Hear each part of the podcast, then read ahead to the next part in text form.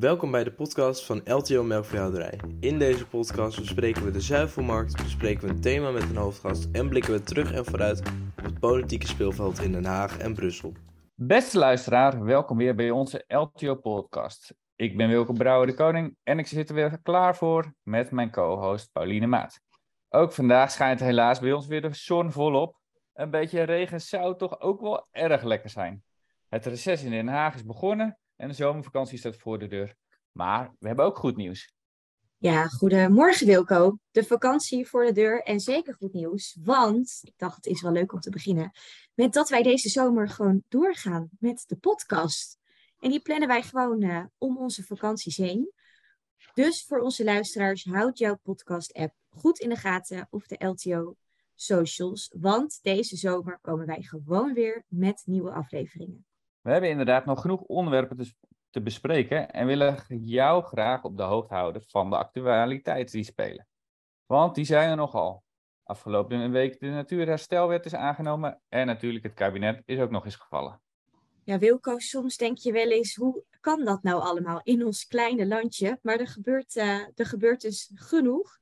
Nou ja, laten we dat vandaag ook maar eens even met elkaar eens zien, hoe dat weer, uh, waar we dan weer op uitkomen. We beginnen in ieder geval eerst weer met de zuivelmarkt, met Klaas-Johan. Daarna duiken we met onze hoofdgast Geert-Jan Kloosterboer de wereld in van de verbinding tussen de boer en maatschappij. En we sluiten dus af met Sander, die ons weer even heel erg goed kan bijpraten over de laatste stand van zaken in Den Haag. Goedemorgen Klaas-Johan ook, fijn dat je er weer bent. Uh, de zuivelmarkt. Drinken we nu weer uh, meer melk met dit warme weer?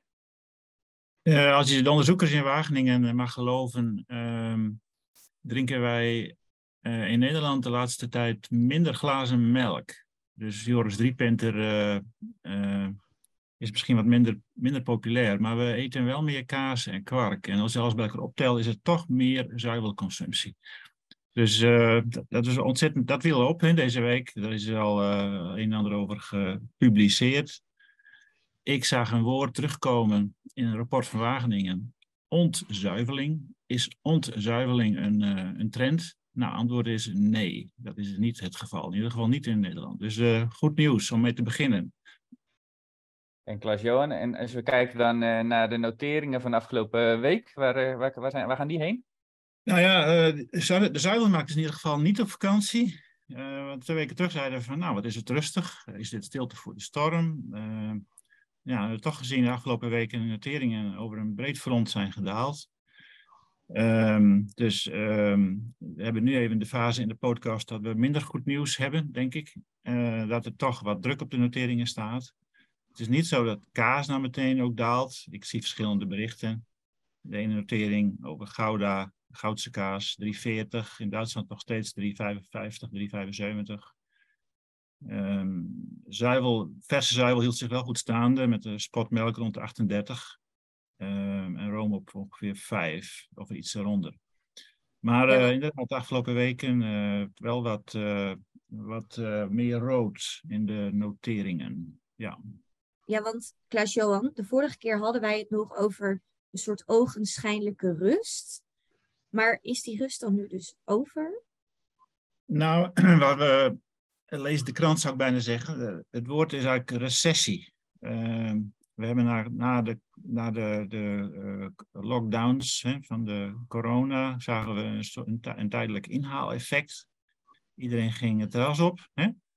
want dan konden we een tijdje niet, of het restaurant in. En nu zie je dat die economie aan het afkoelen is. En dat gaat al een tijdje. En de vraag, de zuivelmarkt hobbelt daar nu achteraan. En wat zie je dan in de markt? Uh, ik was ook van de week op een uh, bijeenkomst van de Europese zuivel- en uh, landbouwhandel, CELCA. Ja, marktspelers zijn een beetje in de wachtstand. Je, je, je wil geen risico's lopen met grote voorraden, dus je koopt maar mondjesmaat in. En men wil niet zeggen leunt achterover, maar men is wel een beetje gespannen van hoe, de, hoe komen die consumenten straks weer terug uit de vakantie in september. Dus dan zie je dat sentiment gewoon ja, wat, wat negatief is. En uh, uh, ja, die consument, hè, onze klanten, ja, die zitten dus met een, stijgende rente, met een hoge inflatie. Cijfers, die, dat hebben we de afgelopen twintig jaar niet meegemaakt. En dat maakt mensen onzeker, ook in het bedrijfsleven. En projecten worden uitgesteld. Dus dat, dat ja, raakt uiteindelijk ook uh, onze markt. Hè? En, uh, maar gelukkig zeggen we dan altijd, mensen moeten iedere dag eten. Op een gegeven moment is de bodem weer bereikt en gaat het weer een andere kant op. Alleen de vraag is even hoe lang dat, uh, hoe lang dat gaat duren. En als je kijkt, uh, uh, naar de termijnmarkten, ja, als je kijkt naar die, naar die internationale termijnmarkten, zien we daar dan al echt iets gebeuren? Nou, ik zag wel in Chicago gisteren een sprongetje naar boven, een halve cent, om maar even uh, optimistisch te blijven. Tijdje onder druk. Uh, maar in Amerika zie je toch, ehm, de verwachting is toch wel dat er meer koeien naar de slacht gaan daar in Amerika de komende tijd. Dus dat de marges te dun zijn geworden. Dus je ziet ook dat het Amerikaanse ministerie van Landbouw komt altijd met cijfers. Hè, die kwamen eergisteren met cijfers, ook over de melkproductie. Dan zie je ook dat zij hun verwachtingen wat matigen qua melkproductiestijging. En het heeft gewoon te maken met dat ook de boeren dan waarschijnlijk toch wat rustig na gaan doen met de productie. Omdat ze gewoon, ja, ze kunnen de marge niet in stand houden. Um, dus dat, uh, dat, uh, dat in Amerika en in Europa zien we op de termijnmarkt de EEX een beetje gemengd beeld. Dus ze veranderen niet zoveel de afgelopen week. En Klaas-Johan, wat betreft onze productiecijfers nou bij ons in Nederland en in Europa? Nou, nog steeds in de plus. Hè, want de RWO kwam met cijfers over de melkontvangst over juni. Uh, op jaarbasis nog steeds plus 1,6 procent. Dat is minder dan we hadden, maar nog steeds een plus. En als je kijkt naar vet, vetgehalte zijn wat aan het dalen, maar nog steeds plus dik 3% op jaarbasis. En Duitsland zit, is vergelijkbaar met Duitsland, die zaten uh, een paar weken terug op 1,8% plus. Nou, dan uh, de, de, tweede melkproducent producent van Europa, Frankrijk, nog steeds fors negatief, min 4%. En um, um, dat, uh, ja, Europa als geheel zijn, is verwachting dat we misschien dit jaar wel eens in de min zouden kunnen uitkomen voor, als Europese Unie in totaal. Dus Nederland wijkt daar dus wat vanaf. Uh, in, in, in, de zin van wij produceren meer met Duitsland en Polen, maar veel andere landen dus, dus zeker niet. Nee. Johan, heb jij nog uh, andere punten wat je verwacht uh, van de, voor de aankomende weken, weken? Ja, nou de hitte. Hè? Uh, temperatuur in Zuid-Europa boven de 45 graden. Ehm, je zou kunnen zeggen klimaatverandering, het is een feit, het vindt gewoon plaats. Juni was wereldwijd de warmste juni tot nu toe. Um, ik ben ook wel met collega's in gesprek, dat was afgelopen week ook zo van, ja, wat betekent het nou bijvoorbeeld de landbouw in Zuid-Europa? Blijft er nog een landbouw over? Um, Italië zie je ook dat in het zuiden van dat land verdwijnt de melkproductie, is de verwachting. Dat schuift op naar het noorden, naar Lombardije. Dus blijven netto-importeur, Italië. Zeker voor uh, 7 tot 10 procent. Ja, en de Fransen uh, hebben daar ook mee te maken en die hebben ook te maken met hun beleid. En kunnen zij met hun ja, economische model, met prijsafspraken, kunnen zij de boel daar op de rit houden. Ik zag een staatje uh, in Frankrijk afgelopen zes jaar uh, 11% minder koeien. 11% minder koeien. Dat, en die, die, die daling neemt toe die daling neemt toe als je kijkt naar de staatjes. Dus dat zijn, uh, de landbouw verandert in Europa. En uh, nou, ik ga er toch maar vanuit dat wij in Nederland in onze vruchtbare delta aan de goede kant zitten nog steeds. En dat, we, uh, dat er ook behoefte blijft aan, uh, aan productieve landbouw in, de, in dit deel van de wereld. En dat gewoon in andere delen van de wereld gewoon niet meer mogelijk is. Dus uh, ja, even mijn beschouwing vandaag, vrijdag de 14e. Nou, eh, Klaas-Johan, dankjewel in ieder geval voor deze trends die jij in ieder geval weer hebt gespot. Hè?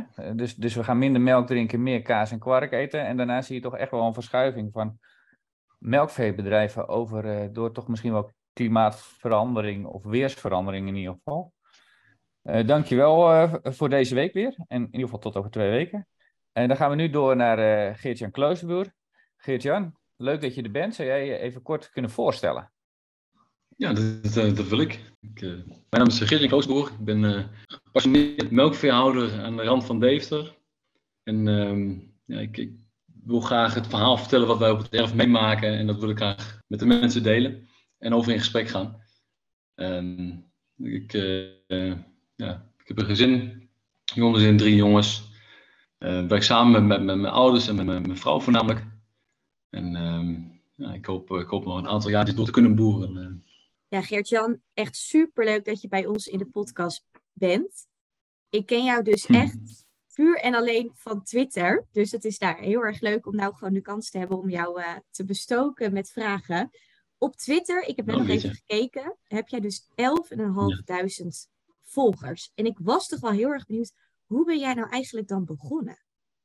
Ja, goede vraag. Ik, uh, volgens mij hebben we ooit een account aangemaakt in de tijd dat ik nog bij LTO Salland zat. En om dezelfde reden van, um, ja, laten we eens zien wat we doen. Ook eigenlijk, je, je, ik heb het nu over Twitter. Uh, daar ben ik redelijk actief in. Ik, ik vind het een, een, een, mooi medium. Af en toe is het wel een beetje een zuur medium, moet ik eerlijk zeggen. Maar het is wel een medium waar je heel veel mensen mee kunt bereiken. En um, we begonnen eigenlijk op, op, op, Facebook. Dat doen we nog steeds wel. Um, 4.000 of 5.000 volgers. Maar dat is voor je vrienden, zeg maar. Je moet eerst vrienden zijn om het te kunnen delen. Dus als je kijkt naar wat je wilt delen, deel je vaak voor je vrienden. En dat is goed, het is een, is een mooi medium. En, um, maar als je je verhaal wil vertellen en je wilt het verder brengen als je eigen erf, ja, je vrienden en je buren en je kennissen, die, die kennen het wel. Maar het gaat eigenlijk om de mensen die je erf niet kennen. Dus ja, daar was ik mee aan het zoeken. En dan toen kwam ik bij Twitter aan. Twitter is, ja, wat dat betreft, je gebruikt de juiste hashtags en je, je de juiste mensen. En op, op die manier kun je vrij snel je verhaal verder brengen. Dus ja, daarom heb ik toch richting, richting Twitter gegaan en uh, ligt dat toch op mijn passie. Geert-Jan, jij vertelde net, uh, um, jullie, zijn begonnen met die, met die boer-burger-verbinding hè, vanuit, vanuit de afdeling dan. Wat was voor jullie de belangrijkste drijfveer om daarmee te beginnen? Ja, nou goed, dat was vrij, vrij, ehm, vrij ja, primituur nog, zeg maar. Want toen kwam het eigenlijk net op het sociale media. Uh, en toen heb ik een account aangemaakt en dat account heb ik natuurlijk behouden. En uh, na Salland kwam al snel uh, de laatste actie, um, um, ja, die we, we, gehouden hebben met Eline Verder en Cochotte. Um, en daarmee merk je toch dat je met een kleine groep mensen vrij snel grote impact kunt maken op, op, op samenleving, in, in, de politiek, in de media. Je komt echt met een groepje van acht man, ja, kun je een actie opzetten vanuit het niets Ehm, waar je vervolgens bij in het nieuwsuur komt en, en ehm, ja, een, een kamerdebat ja, naar je hand kunt zetten met, met, met acties en, en, en, en laas. En uh, dat vond ik eigenlijk enorm fascinerend. En ik denk, ja, daar wil ik eigenlijk mee verder. Ehm, we zijn toen geholpen door René Scheper. Schepers, helaas uh, overleden. en hij zegt van, eigenlijk moet je daarmee verder gaan. Dit, moet je niet laten gaan. Nu, je hebt nu iets moois opgezet. En ja, je weet nu hoe de hazen lopen, je hebt nu je connecties. Kijken dat die groep verder gaat. En, nou goed, en, en vanaf daar denk ik, ja, daar ben ik over aan het nadenken. Uh, was ook de tijden dat we een nieuwe stal uh, zetten. Um, nou, ja, ik wil wel mijn promotie doen, dus bij LTO aangekaart, ja, hoe gaan we hierin verder? Toen hebben we eigenlijk de boeren van Nederland opgezet. Uh, we eigenlijk met ludieke acties gewoon ja, de, samenleving opzochten en dan eens kijken wat we dan met, met, met grappige acties um, elkaar konden bereiken. Dat was enerzijds. Anderzijds wou ik het eigenlijk nog breder trekken, want ik zag wel om me heen dat er heel veel initiatieven ontstonden. De, de, de, de, de kippen, de varkens, uh, iedereen, of de regio, die had wel wat, zeg maar. De, de Maggie's, de Blij met de IJs, de, de Boerbewust, Boerbewust. Varkens vandaag. Nou, echt, iedereen had wel wat, maar we deden allemaal eigenlijk ons eigen dingetje. En ik hoe mooi is het als we dat ook wat meer kunnen combineren. Dus ja, net in Boer van Nederland gestapt en daarmee de rondlopende. Nou, we hadden de open dag. En uh, nou, redelijk toevallig kwam ik toen uh, Caroline tegen, Caroline van der Plas. En um, ja, ik zeg tegen Caroline, ik, ik, jij zit bij de varkens. Ik, ik heb nu bij, bij Boer van Nederland nu wat, wat handen voet gegeven. Ik zeg, ik, wil liever wat mee. Ze zei, een tijdje mee. Laten we samen gaan zitten. En nou, toen zijn we samen gaan zitten en toen is het idee eigenlijk ontstaan van uh, Team AgroNL. En daarmee wilden we eigenlijk gewoon proberen om alle goede initiatieven, alle mensen die enthousiast zijn, die het verhaal willen vertellen, te, te, bundelen, te combineren, om daar met één verhaal te komen, met, met één gezamenlijke agenda. En uh, ja, dat, dat, dat, ja, dat, dat, is gaan lopen en uh, ja, daar heb ik ook wel heel veel energie uit weten te halen. Dat vond ik ook, vond ik ook erg mooi. Ja, ja want Geert-Jan, dat dat klinkt echt als een super tof verhaal. En we kennen Team Agro natuurlijk ook wel. Ik kan me best wel voorstellen dat er boeren zijn die dan naar jou kijken en die denken: Oh, dat is echt gaaf wat hij doet. En dan die foto's zo op Twitter en dergelijke. Maar goed, als je je, je kop boven het maaiveld uitsteekt, dan zijn negatieve reacties. Uh, ja, die liggen ook op de loer. Daar had je het net ook al over. Twitter is tegenwoordig echt. Nou, als je het opent, dan word ik er wel eens heel verdrietig van. Hoe ga jij daar nou een beetje mee om? Ja, ik moet wel kunnen relativeren. Hè? Ik bedoel, eh, als ik op elk Mickey Mouse uh, uh, accountje moet reageren die wat van mij vindt, ja, daar ben ik eigenlijk wel klaar mee. En als het geen normaal profiel is, dan, dan, krijg je van mij keurig een blok. Dan wordt dat het laatste ding wat je van mij hebt gezien en dan is het ook klaar. En dat deed ik in het begin niet. In het begin blijf je aan het uitleggen, maar sommige mensen willen ook niet jouw verhaal begrijpen. voor mij heeft LTO zelf al een onderzoek naar gedaan je hebt, de, samenleving is natuurlijk breed. Um, je, hebt, je hebt een hele grote groep die uber pro-boer is. Je hebt een groep, dat is de grootste groep, die eigenlijk niet echt een mening over een boer heeft. Ook niet, niet te positief of heel negatief. En je hebt een hele kleine groep, voor mij van een paar procent, die, nou ja, goed, de, anti-boer uh, lobby gestart is. En, ja, en dat is het. Kijk, wat we ook doen op sociale media. Um, eh, wij, wij, focussen ons enorm op die eh, kleine groep eh, die we toch nooit gaan overtuigen. Dus die, die, die, laat ik het verhaal zien. Ik zit toevallig nu ook weer in een lijntje met Ongehoord Nederland volgens mij. Of nee, Ongehoord niet, nou ja, maakt niet uit. Maar ook een, ook een club die de veehouderij aan de kaak wil stellen. Ik, ze krijgen netjes antwoord van mij. Ik probeer ook netjes, netjes te blijven. Maar als het niet meer wil, nou, dan kap ik het gesprek gewoon af en dan houdt het gewoon op. En, en Geert-Jan, als je kijkt naar, hè, je, je doet natuurlijk dus al een hele tijd uh, dingen in je omgeving. Hè? Dat gaat natuurlijk breder als uh, sociale media. Hè? Ik bedoel, jullie hebben ook open dagen en andere media ben je. Wat merk jij nou in het dagelijks leven dat jij die stappen zet om die verbinding te maken? Ja, dit is wel grappig, want kijk, er hoeft maar iets te spelen in de, in de, in de, in de samenleving wat dat de boer raakt. En je, kunt gewoon weten dat je benaderd wordt. Ik bedoel, uh, vooral momenteel vooral buitenlandse pers. En de Franse en Amerikaanse pers. Ik bedoel, uh, ja, ik heb de uitnodiging ook wel staan. Um, ja, op een gegeven moment dan houd je eigen tijd een keer over en probeert ook wat, wat af te schuiven. En ja, je weet gewoon, uh, de pers weet je te vinden. En dat vind ik ook mooi. En ik probeer eigenlijk te kijken of ik de pers verder kan met een boer die bij het thema past. Um, het gaat mij niet om dat, dat het moet niet de grote Geert-Jan Kloosterboer show worden. Nee, het moet zo zijn dat we een boer kunnen vinden die bij het bepaalde vraagstuk of topic een, gewoon een goed verhaal namens onze sector neer kunnen zetten. En um, nou, dat doe ik vrij veel achter de schermen momenteel, want die, die, die, die persvragen die, die blijven doorlopen. Eh. Ja, want Geert-Jan, je bent er ook gewoon best wel, best wel druk mee. Hè? Als je kijkt wat Team Agro allemaal organiseert rond je kavelpad. Nou, je houdt je socials dan allemaal bij ik kan me ook wel voorstellen dat er dan wel boeren zijn ja, die denken: en A, waar haal je de tijd vandaan? En B, hoe, hoe moet ik dat ooit gaan doen met mijn supervolle weken? Ja, nou even één ding terug. Kijk, Timago, nou ben ik inmiddels voorzitter af. Ook omwille wat jij zegt van tijd. Mhm. ik, ik, kwam gewoon uh, wat spaar te lopen met mijn voorzitterschap. Uh, het gezin en de boerderij. Dus daar heb ik wat afstand van genomen. Ik ben, ik ben nog steeds trots ambassadeur en ik help ook zeker mee waar ik kan. Um, ja, nou, daarom, uh, kijk, er zijn zoveel mooie initiatieven uh, die allemaal zoeken naar ruimte in de media, maar ook zoeken naar de verbinding met de burger met de consument.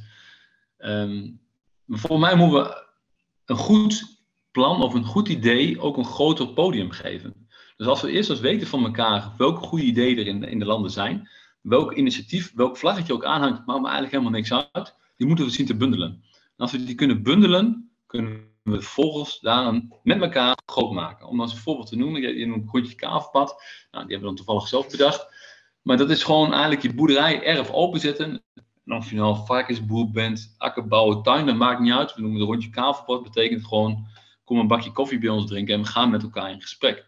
Dus dat doen we in de zomervakantie. Kijk, als we er met elkaar, met allemaal achter gaan staan en, we gebruiken onze eigen sociale mediakanalen om dit te promoten, kunnen we zo'n actie groot maken. En dat hebben we bijvoorbeeld ook met uh, de felle Make a Date van, uh, van, uh, van de Boeren van Nederland.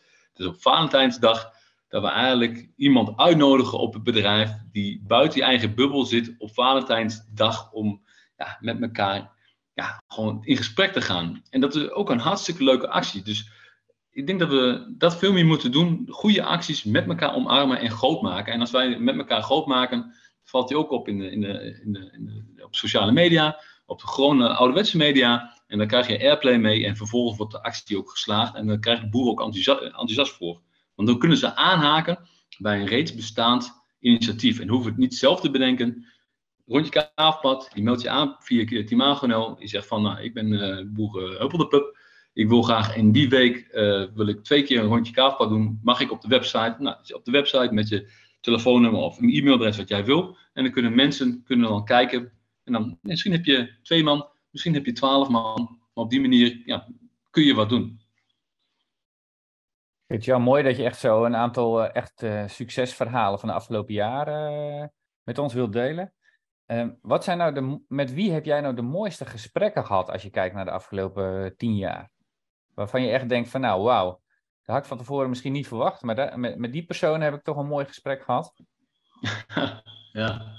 Ja, dat, ja, je hebt meerdere mooie gesprekken. Ik moet wel zeggen, kijk, de, de, de, de politiek zit op het vinkentaal. we zijn ook vrij kort met het ministerie. Ja, dat vind ik ook leuk hoe daar die connecties lopen en hoe die lijntjes lopen. En als dan ja, de minister komt, die kunt, kunt in gesprek met de minister. Ja, dat vond ik prachtig. Het mooiste wat ik misschien wel vond is, uh, we hebben een actie gedaan, uh, de boer de kerel, om die in de top 2000 te krijgen, een aantal jaar geleden. nou ja, ook gewoon een publieke actie, campagne, ook de hulp gevraagd van onze achterban. de boeren of de, de, mensen die de boeren warm hart toedragen. Nou, we hebben toen voor elkaar gekregen om, om de, de, de, de, in de top 2000 op, op plek 9 te krijgen. Nou, om daar goedkeur voor te krijgen, moesten we naar Benny Joding toe. Nou ja, goed, het is nu genoeg om de man van doen. Maar ik moet wel zeggen, uh, we hebben toen in zijn even een gesprek gehad. En uh, ja, goed, dat blijft me ook altijd wel bij, moet ik eerlijk zeggen. Ja. Ja, Geert-Jan, jij, jij, nou ja, ik, ik raak in ieder geval enorm geïnspireerd van, uh, van jouw verhalen. Heb je nou dan nog praktische tips voor onze boerenluisteraars? Jij zei al, nou ja, je kan je aanmelden bij zo'n zo'n rondje kavelpad. Maar, maar zijn er meer dingen waardoor je kan zeggen, nou, dat is gewoon laaghangend fruit. Zo kan je gewoon beginnen. En um, nou ja, om ook gewoon dat verhaal te vertellen. Nou, wat denk ik moet beginnen bij ons als, als boer zijnde, we zijn allemaal agrarisch ondernemer. En uh, dat klinkt misschien uh, wat flauw, maar da daar moeten we eigenlijk weer naar terug. En als je een onderneming bent, dan heb je ook, zeker, um, ook geen kleine post, maar een post voor PR. Ieder, ieder zichzelf gerenommeerd bedrijf heeft een pot voor uh, PR. En dat hebben wij als boer eigenlijk niet. Wij denken van de Fions of de, of de Friesel Capina's of uh, de, de, die moet maar voor ons reclame maken, want die vermaakt onze producten ook. Maar zo werkt het gewoon niet. Uh, die hebben productpromotie, maar moeten boerpromotie hebben. En dat moet je toch echt zelf gaan doen. Dus ik denk dat we daar eens meer met elkaar over na moeten gaan denken. Maak eens een potje voor jezelf um, en doe daar wat mee.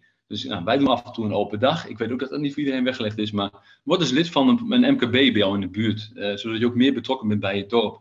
We gaan uh, dit jaar voor het eerst bijvoorbeeld uh, de onder 17 bij, bij onze voetbalvereniging in het dorp sponsoren.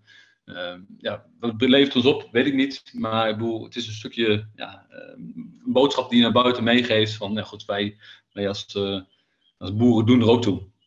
En ik denk dat dat eerst meer moeten, moeten doen. En als we dan een keer ja, die mindset goed hebben staan. En we weten dat we ook eigenlijk om die lijstje te produce te behouden.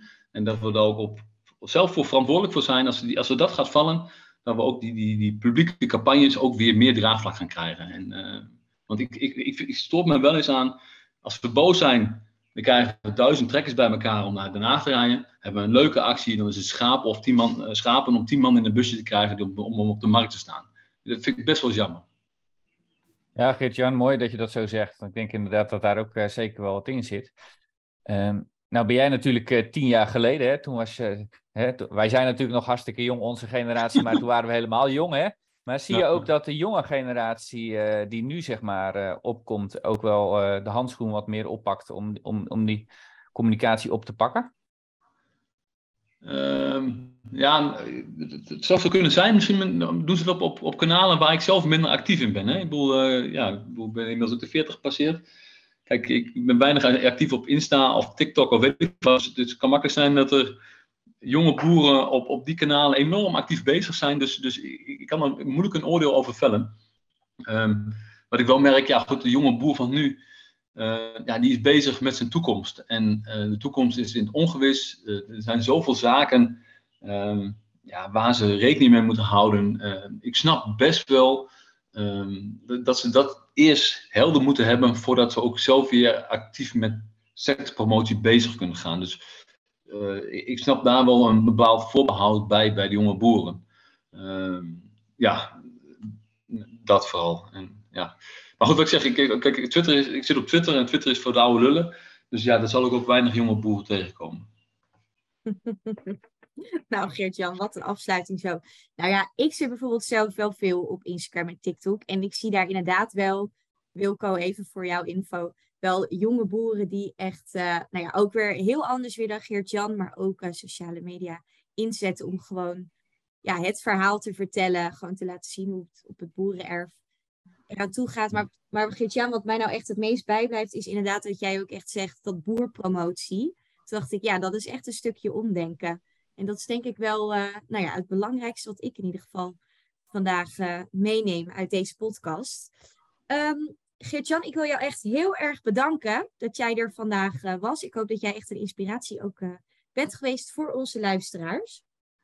Dan gaan wij nu door naar het laatste blokje, want wij hebben Sander in ons midden. En die gaat, uh, zoals jullie wel gewend zijn, wat vertellen over het Haagse. Nou, er is natuurlijk van alles gebeurd. Dus Sander, ja, waar, waar moeten we beginnen?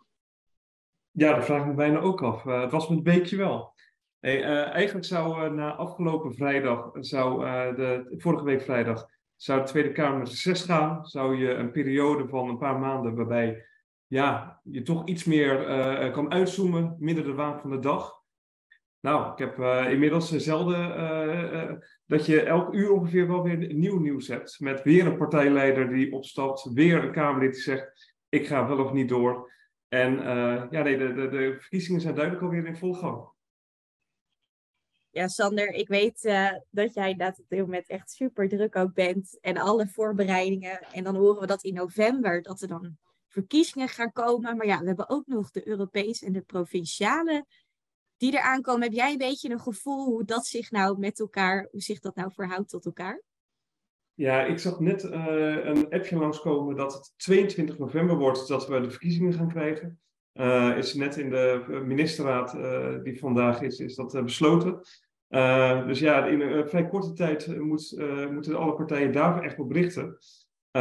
dus dat betekent verkiezingsprogramma's die worden geschreven, nou, uiteraard probeert LTO daar ook invloed op uit te oefenen. En dat doen we met een, eh, een puntenplan. Eigenlijk een soort verkiezingsmanifest waarbij we onze gedachten meegeven aan de politieke partijen. Kandidatenlijsten worden opgezet. En uh, ja, richting 22 november zullen we ook weer een verkiezingsdebat gaan organiseren samen met Nieuwe Oogst. Nou dat is dan allemaal wat richting november gebeurt. Uiteraard, daarna is het ook weer de formatie. Dus dan ben je ook alweer snel een half jaar verder met het zoeken naar wie wordt de nieuwe coalitie. En daar durf ik momenteel echt geen voorspellingen op te doen. Gezien gewoon bijna elke partij weer een nieuwe partijleider gaat krijgen, een nieuwe lijsttrekker. En daarmee ook is het hele politieke speelveld weer helemaal open. En Sander, en nou hebben we een demotionair kabinet, hè? En we hebben controversiële onderwerpen. Wat, wat betekent dat en wat houdt dat in? Ja, inderdaad, omdat uh, het kabinet, uh, de coalitie is gevallen. Uh, dus alle ministers worden demissionair. Dat houdt er zover in. Ze mogen alleen maar op de winkel passen. Ze mogen alleen maar de komende tijd voortgaan met het beleid wat al stond. En om daar een keuze in te maken, gaat de Kamer, Tweede Kamer na het reces, dus de eerste week na het reces, dat zal de eerste week van september zijn, dan zullen ze gaan bedenken welke onderwerpen mag het kabinet nog wel mee aan de slag, het demissionaire kabinet, en welke onderwerpen niet. Nou, dat kan best wel bepalend zijn, want uh, onderwerpen die, dus wetgeving of kamerbrieven of beleidsdossiers, die controversieel worden verklaard, die kunnen pas na het nieuwe kabinet weer opgepakt worden. Dus dat zal betekenen dat het eigenlijk bijna een krap jaar stil zal liggen. En dat pas weer in het voorjaar dat het weer opgepakt wordt. Tenminste, als ze weer een half jaar een nieuw kabinet hebben. En we zagen met het afgelopen kabinet dat dat een jaar duurde. Dus best wel bepalend of een onderwerp controversieel wordt verklaard of niet. En ook daarbij hebben we wel onze gedachten. Uh, in de media hebben bijvoorbeeld al gezegd dat over de. Je hebt nu de stoppersregeling bij het stikstofbeleid. En we zeggen bij ja, ook die andere regelingen, dus de innovatieregeling of voor boeren die willen omschakelen of verplaatsen, om dat nou ook dit najaar nog wel door te laten gaan. Maar tegelijkertijd wil het kabinet ook nieuw landbouwbeleid, een nieuwe landbouwvisie ontwikkelen. En daarvan zeggen we, ja, dat is gewoon echt aan het volgende kabinet. Dus dat moet je wel controversieel verklaren. Ja, ja want inderdaad, Sander, ik dacht om het even dicht bij huis te, te houden. We hebben natuurlijk dat landbouwakkoord, dat is geklapt. Toen zei Adema, ik ga natuurlijk deze zomer wat schrijven. Daarbij hebben we parallel natuurlijk ook nog dat convenant dierwaardige veehouderij. Dus juist over die visie, dat staat nu dan even stil. Maar weet je dan hoe het er met het convenant dan voor staat nu? Ja, momenteel loopt dat eigenlijk nog. Uh, op 1 oktober zou, daar, uh, zou dat moeten worden opgeleverd. Uh, zodat vanaf 1 juli 2024 ja, het, de, de uitkomsten eigenlijk van het convenant dierwaardigheidhouderij zou ingaan. En daarmee voorkom je dat die wet dieren met dat, dat abonnement, wat eigenlijk onuitvoerbaar is, dat dat door zal gaan. Nou ja, met de val van het kabinet is het wel onzeker geworden van wat gaat nu dan gebeuren. Mag de minister daarop wel op acteren? Of wordt het ook controversieel verklaard? Ja, dus Sander, even samengevat, dat betekent dus dat dan ook die wet dieren dan dus dan nog niet van, van kracht gaat zijn, omdat we dat convenant dus dan nog niet hebben. Ja, nee, de, die wet is inderdaad nog niet ingegaan. Dat zou pas uh, eh, 1 juli zou dat worden, 1 juli volgend jaar. Uh, ja, hij ligt momenteel op de plank. En uh, de vorige coalitie heeft afgesproken gaan met het eh, agrarisch bedrijfsleven en dierwelzijnsorganisaties om tafel om tot een convenant te komen. En ja, nu is het, eh, de, de, coalitie is er niet meer. Dus de vraag is, blijft die afspraak nog staan? Ja, daarvan, dat weten we eigenlijk niet. Nu, nu zag ik, vorige week zijn er schriftelijke vragen gesteld, uh, schriftelijk overleg is gevoerd, waarin deze vragen onder andere door BBB zijn gesteld. Ja, en we moeten eerst maar even de beantwoording zien om te weten wat wordt de volgende stap. Sander, uh, dankjewel weer voor uh, deze week ook weer alle info die je hebt gegeven. Ja, jij dacht natuurlijk een rustige zomer te hebben en, en, met vakantie te kunnen gaan, maar als ik dat allemaal zo hoor, wordt het toch wel wat, wat anders. Ik, wil ik, kan rustig af en toe nog, ik kan rustig af en toe nog aanschuiven inderdaad om weer de volgende ontwikkelingen mee te geven. Ja, het wordt geen rustige zomer, gok ik. Ik wil in ieder geval onze gasten Klaas-Johan, Geert-Jan en Sander van harte danken voor hun aanwezigheid deze ochtend en, en alles wat ze ons, waar ze ons in, in, hebben meegenomen. Over twee weken zijn we er weer en dan hebben we als hoofdgast Erik Douwme. Hij is portefeuillehouder LTO Ondernemerschap en Onderwijs. En met hem gaan we, eh, duiken we een slag dieper op het vinden van goed personeel. En hoe hou je je personeel nou op onze bedrijven ook eh, werkzaam? Een thema wat ook steeds belangrijker wordt voor onze sector. Eh, dus allemaal hartelijk dank voor het luisteren en tot over twee weken. Tot over twee weken.